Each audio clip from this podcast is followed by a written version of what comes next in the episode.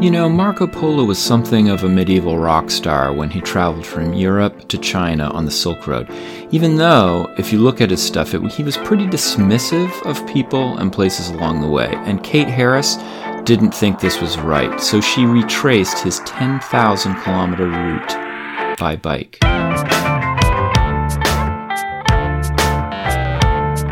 It's time to eat the dogs. I'm Michael Robinson. Today I talked to Kate Harris, writer, scientist, and extreme cyclist, at least I would call her an extreme cyclist, about the trip she made with her friend Mel, tracing Marco Polo's route across Central Asia and Tibet.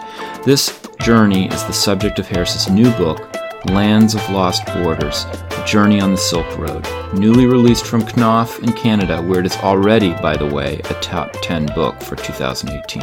Kate Harris, thank you for talking with me today. Oh, I'm delighted to be here, Michael. Thanks for having me. So, could you talk about your first trip to Asia in 2006? Tell us a little bit about where you were in life and and uh, why you decided to to go and where you went. Sure. Yeah. So in in 2006, um, I had just graduated from university, um, and my friend and I, my friend Melissa, who's a, a big character in my book, decided uh, we would bike the Silk Road we had four months of summer holiday available to us. And I had managed to get this summer travel grant through my university that would enable enable this kind of trip. And I basically pitched it as as following in the footsteps of Marco Polo. And what I didn't elaborate to the travel grant committee, but um, my underlying motivation for this journey was I was really Marco Polo was a fallen hero to me at that point. You know, I grew up mm-hmm. kind of admiring his travels and and really worshiping him from a, a kid's perspective. Like he just seemed this glamorous, romantic explorer figure. Then, um, at least from the you know children's books I read about him. Mm-hmm. But when I was at university, I read the the fuller edition of his travels, the unabridged edition, and was kind of heartbroken to find out he was more of a merchant than a um, a romantic, I guess. Yeah. And mm-hmm. so we wanted to set off and bike through some of the places he most detested along the Silk Road, which were the places that interested me the most. You know, the mountains uh-huh. and deserts, everything in between, the really fabled trading hubs. So that was the motivation for our, our trip. And um, we'd done one previous bike trip together. And I explained this in the book, but it was kind of a fluke, the order in which it happened. Um, we biked across the US because Mel got hit by a boat when we were supposed to leave for China for our Silk Road bike ride.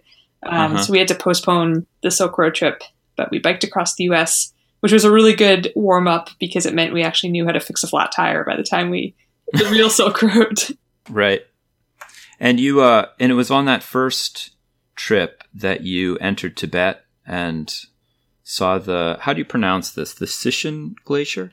Yeah, um, I've I always pronounced it as Siachen, and then I heard an, an Indian yeah. person pronounce it, and they said Siachen. So mm-hmm.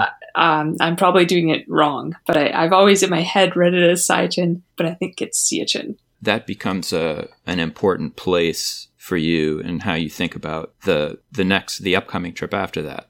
That's right. Yeah. So we biked, we snuck into Tibet in 2006, um, like literally snuck under a guardrail railing in the cover of night. And it all turned out to be quite unnecessary. Our stealth tactics were not called for at that point, but um, we we managed to get into Tibet, and in the process, we biked through this borderland area called the Aksai Chin, and this is um, up against India, and it's contested territory even today with India, although China is in sort of de facto control of it. And the road we were biking on through this remote, far flung corner of um, Western Tibet was the road that provoked a war between a brief war between India and China over this territory. And so mm-hmm. I didn't know much of this background during the trip. I mean, I saw a lot of military convoys when we were out there, and it was very clearly not not your usual tourist track, I guess. um, but it when I came back from that trip, I had the chance to study the history of science at Oxford, and mm-hmm. I started looking into that corner of Tibet. And in looking into it, I learned it was such a contested borderland. And in the process, noticed that just across the border into um, India and, and Pakistan was this other highly contested borderland that is this glacier, the Siachen Glacier. So that that's what sparked the the intrigue. So this was interesting to me when I read it because uh, you talk in your book about how how important, really almost fundamental to who you are, this idea of of travel and new experiences, and yet at the same time you've got this um, these kind of stated goals for these expeditions. One to kind of retrace Marco Polo's journey. This other to look at borders and uh, their effect on um, on you know influencing wildlife. And uh, you have actually a really cool quote if I can find it here. Uh, I wanted to bike the Silk Road as a practical extension of my thesis at Oxford to study how borders make and break what is wild in the world. That's a beautiful line. Thank you. So, what do you think the the chicken and the egg here is? Uh, is it that you really wanted to go to uh, to Asia and, and bike the Silk Road and then kind of found a, a motive to do it? Or was it the motive that drove drove the expedition and the kind of experiences that you have kind of are the watershed of that? Right. That's a great question. I th- I think because I you know I traveled first in the world vicariously. You know, it was through words. It was through reading books as a kid mm-hmm. um, that I really felt this thirst to see the world myself. Um, reading about other people's journeys in it, especially their their wild journeys. Um, so I I guess probably the reading sparked the idea to go myself, and also kind of the sort of questions I wanted to explore in the travels. Um, but certainly a mix of both. I mean, if I ha- if we hadn't snuck into Tibet on that first trip and and traveled through this this weird borderland that you know borders that exist to some people and not to others, and country of like conflicting claims, um, I don't know that I would have gone off to grad school after that and really honed in on on borderlands as what I wanted. Yeah. So definitely they feed each other, like words in the world sort of this yeah. back and forth. I, I feel oftentimes with projects, um, I probably shouldn't announce this publicly, should I? But like, uh, I I become very interested in something because it's interesting, and then I reverse engineer a reason why I should do it uh, or or study it. And um, yeah. so I was just curious about it. But yeah, but I can see how the two uh, feed each other in in your text, and and in fact, you do really give us some interesting pictures of these of these borderlands, and it, there's a kind of paradox to them, uh, the way that you talk about them as, as as these structures that keep people out, but in some cases actually kind of protect and maintain natural areas. Could you talk about that? Yeah, yeah. So you know, I think a quality of being young, and you know, a lot of this book is is you know, is in my twenties when I was doing these trips um, you know, you, you sort of have these black and white, very idealistic notions about how the world works or should work. Um, and in reading so much about borders and borderlands and all their negative impacts and constricting effects on people and places and wildlife, um, I kind of set off on the Silk Road with a bit of a vendetta against against borders. um, and there's nothing like travel to really force you to reconsider your your your black and white, you know, and see the gray in yeah. between. And and along the way, we visit a whole bunch of different borderlands and and saw a few examples where borders are perversely protecting landscapes and and wildlife in a way that um, if those you know barbed wire fences didn't exist, um, these places would be impoverished in a biodiversity sense. Which is not to downplay mm-hmm. the like horrible impacts on on people's lives that these borders can have. But you know, one example of this was the border between Turkey and Armenia, and it's this canyon. Um, it's running through the canyon is the river um, formerly known as the Araxes to the the Greeks, I guess. Um, and mm-hmm. this canyon used to be you know you can look down into it and see the ruins of bridges. Like as as recently as a century ago people could just walk across this river and and move freely between what is now um, eastern turkey and western armenia. And then this this border was thrown down and it's been banned to human entry for um, decades now. And in that that interim this canyon um, became this sort of inadvertent wildlife sanctuary. And egyptian vultures which are an endangered, wow. threatened species, are are nesting in this canyon because people can't go there, so that it's a refuge. Um, and the the DMZ between North and South Korea is an, another example of this, um, which I'd I'd read about. You know, I'd studied it on on paper when I was um, a grad mm-hmm. student at Oxford, but but actually seeing this play out in front of your your eyes is is another thing entirely. Yeah, so what I really um, like about your book, and it's it's a it's a really interesting mixture of your different interests in exploration. I mean, in a sense, I think you wear a lot of different hats. Um, you're a student of exploration. You know, you studied that at Oxford. Then you went to work at MIT uh, for your PhD studies. Is that yeah? Correct? And and and was that in astrobiology? It, that was my interest. Technically, the program was uh, geobiology. Geobiology, yeah. and then at, and at the same time, and I know this from when I first met you about eight years, must have been eight yeah. years ago, and you said, "Oh, I just read this Annie Dillard piece, and you have to read it." Uh, and I think it was on the North Pole. Yes, Expedition to the Pole. That's yeah. right.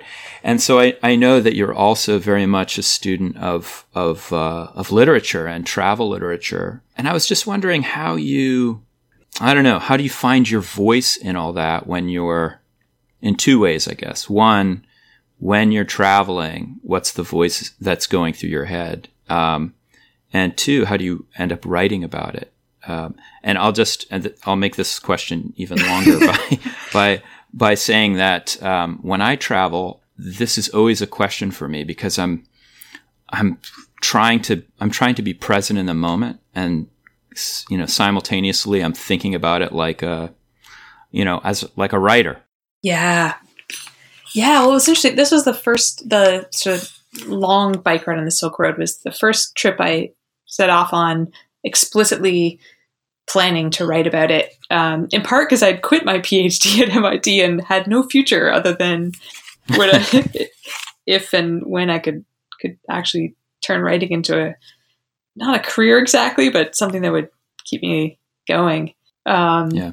So I, you know, I kept elaborate notes during the trip, and at first I was really, really diligent about writing down, you know, every detail, the day in and day out of what we were seeing and doing.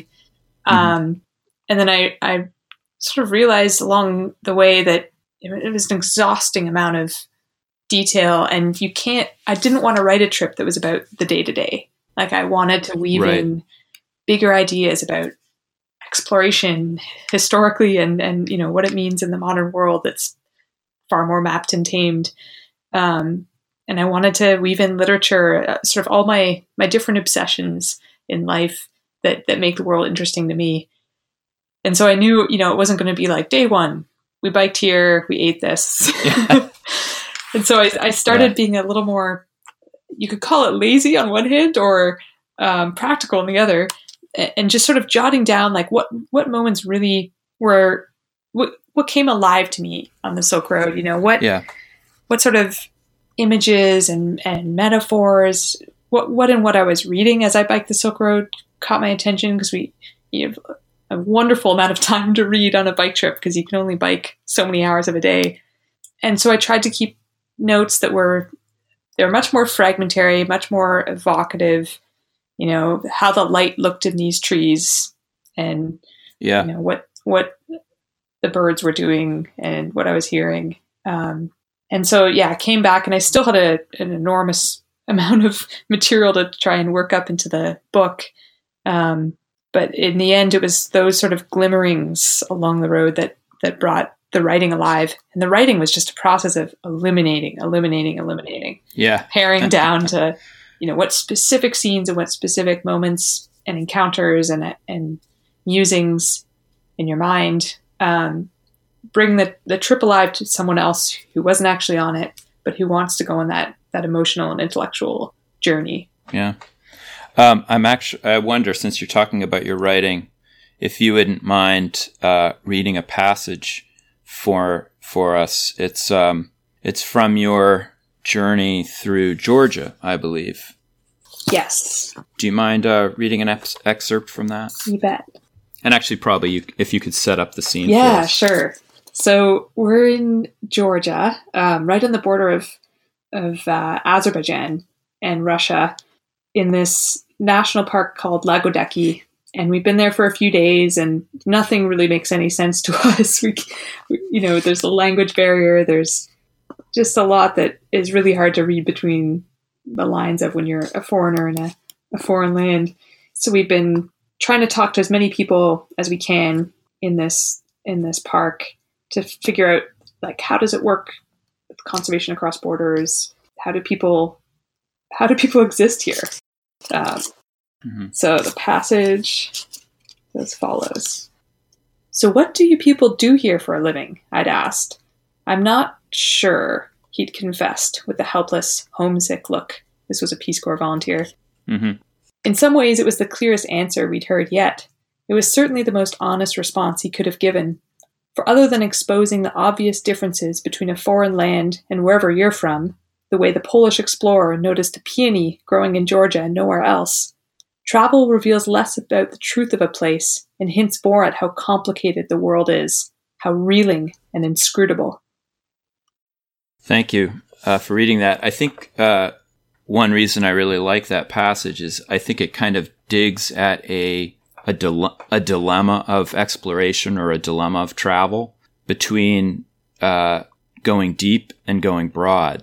Um, you know, are you going to learn a place by living in a place for a number of years, yeah. or are you going to try to learn by by traveling through? And here it feels to me like you're kind of acknowledging that. Uh, that there's a kind of ignorance about travel too. Yeah.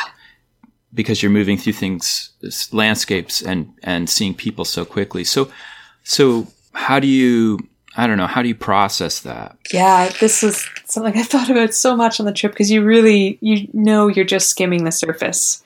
And, um, you know, it takes a certain arrogance in a way, which I hope I've not indulged in too much, but, but to write about places where you're, you're a stranger, you don't know really how how things work or who people are. You have these sort of glancing impressions, um, and it's it's what makes travel incredibly exciting because it's all new, it's all unknown, but it, it also makes it frustrating because you you know you're just just kind of not getting to the depths that you would get to if you could actually talk to people in their own language or spend longer longer periods in a place and I'll always love this kind of travel. You know, there's just kind of mm-hmm.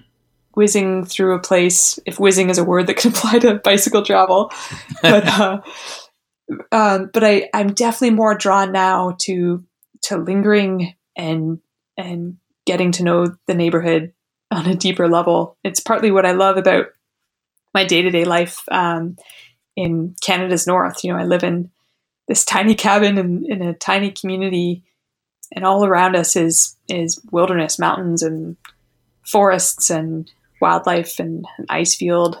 And there's such joy in sort of the the deeper kind of travel you can do in a place that you you're not the thing moving. The world is moving around you, and it's noticing uh-huh. those changes and those um, differences from from day to day and season to season. That's another kind of travel and one I'm increasingly addicted to. Uh, and I think, yeah, I definitely want to keep a mix in my life, but you can get different things from each sort of version of quote exploration. Yeah, I I sometimes think of um, exploration as being on this continuum. People uh, heading out into the world uh, to figure out the world, and then people heading out into the world to figure out themselves. Right. And uh, I think you know probably if you look at uh, at most expeditions or or even just travel experiences, they're some somewhere on that continuum. And it reading your book, it's very interesting because it seems like there are these these moments of exhilaration are most attached to you understanding yourself or living in that moment or seeing something kind of anew, as you said in this, uh, what is exploration, but but seeing the world um, anew. And yet, this life that you're telling me about now is a kind of different different life, or uh, you know, you're you're you're in one place. There was another line that I really liked. You were uh, quoting Joan Didion, who said, "We tell ourselves stories in order to live." And uh, so I was just wondering, has that story changed for yeah. you? Yeah, yeah, absolutely. And I, I think if it weren't changing, or if it's, you know, if it if it became one story that I'm sticking with the rest of my life, I'd be pretty sad. Uh, part of the joy of, of life is is following the different stories your life becomes, and um, you know, the, the story I needed to live when I was a kid was that I I could become an astronaut and go to Mars because that was the last frontier left that that a human being could conceivably kind mm-hmm. of walk around on and plant a flag. You know, for someone as I was who wanted to be an explorer in, in a pretty historic understanding of the word, um, that's that was a story I needed because I looked around at the world and it looked awfully paved over and and fenced and full of subdivisions from what I could see in the small town where I grew up. Um, uh-huh. And then as I got older, you know that that that story has definitely changed. You know, you, you sort of, at least I have, I, I just fall deeper and deeper into love with this planet, however sort of flawed and and compromised it might be. Um, I I really feel like my loyalties are are here, and there's so much to explore. You know, it's a it's a really uh-huh. um, naive read on on novelty to think that you have to be the very first person to do something or see something or feel something for that feeling or or sight or experience to be worthwhile. Like that's absurd. And mm-hmm. you know, I write in the book about how like the most powerful experiences available to us as human beings alive for this brief period of time on this planet in the middle of nowhere in a vast universe um, you know they're not amenable to to maps like no one no one else can explore for you um, just because someone's been to the peak of everest before doesn't mean you climbing up there isn't one of the most powerful experiences you can you can have in your lifetime um, and maybe not everest it's a bit too crowded yeah. but uh, yeah I, i'm really convinced that that exploration is not something that that like an elite few do in remote places that are hard to get to. Um, it's really an attitude you can apply to your, your daily life, um, just bringing a sense of wonder to the world around you. So that's, I guess that's my story now.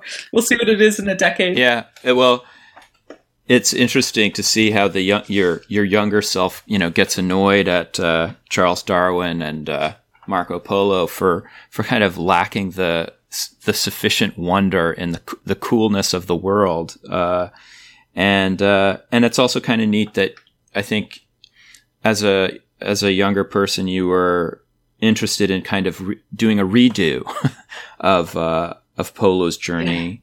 Yeah. It, it, reminded me a little bit just in in let's say an um, approach to you know Alexander von Humboldt. Oh yeah. He, uh, when he was traveling to the New World, you know, he wasn't really going anywhere that hadn't been either known by Native Americans for thousands of years or by Europeans for hundreds right. of years.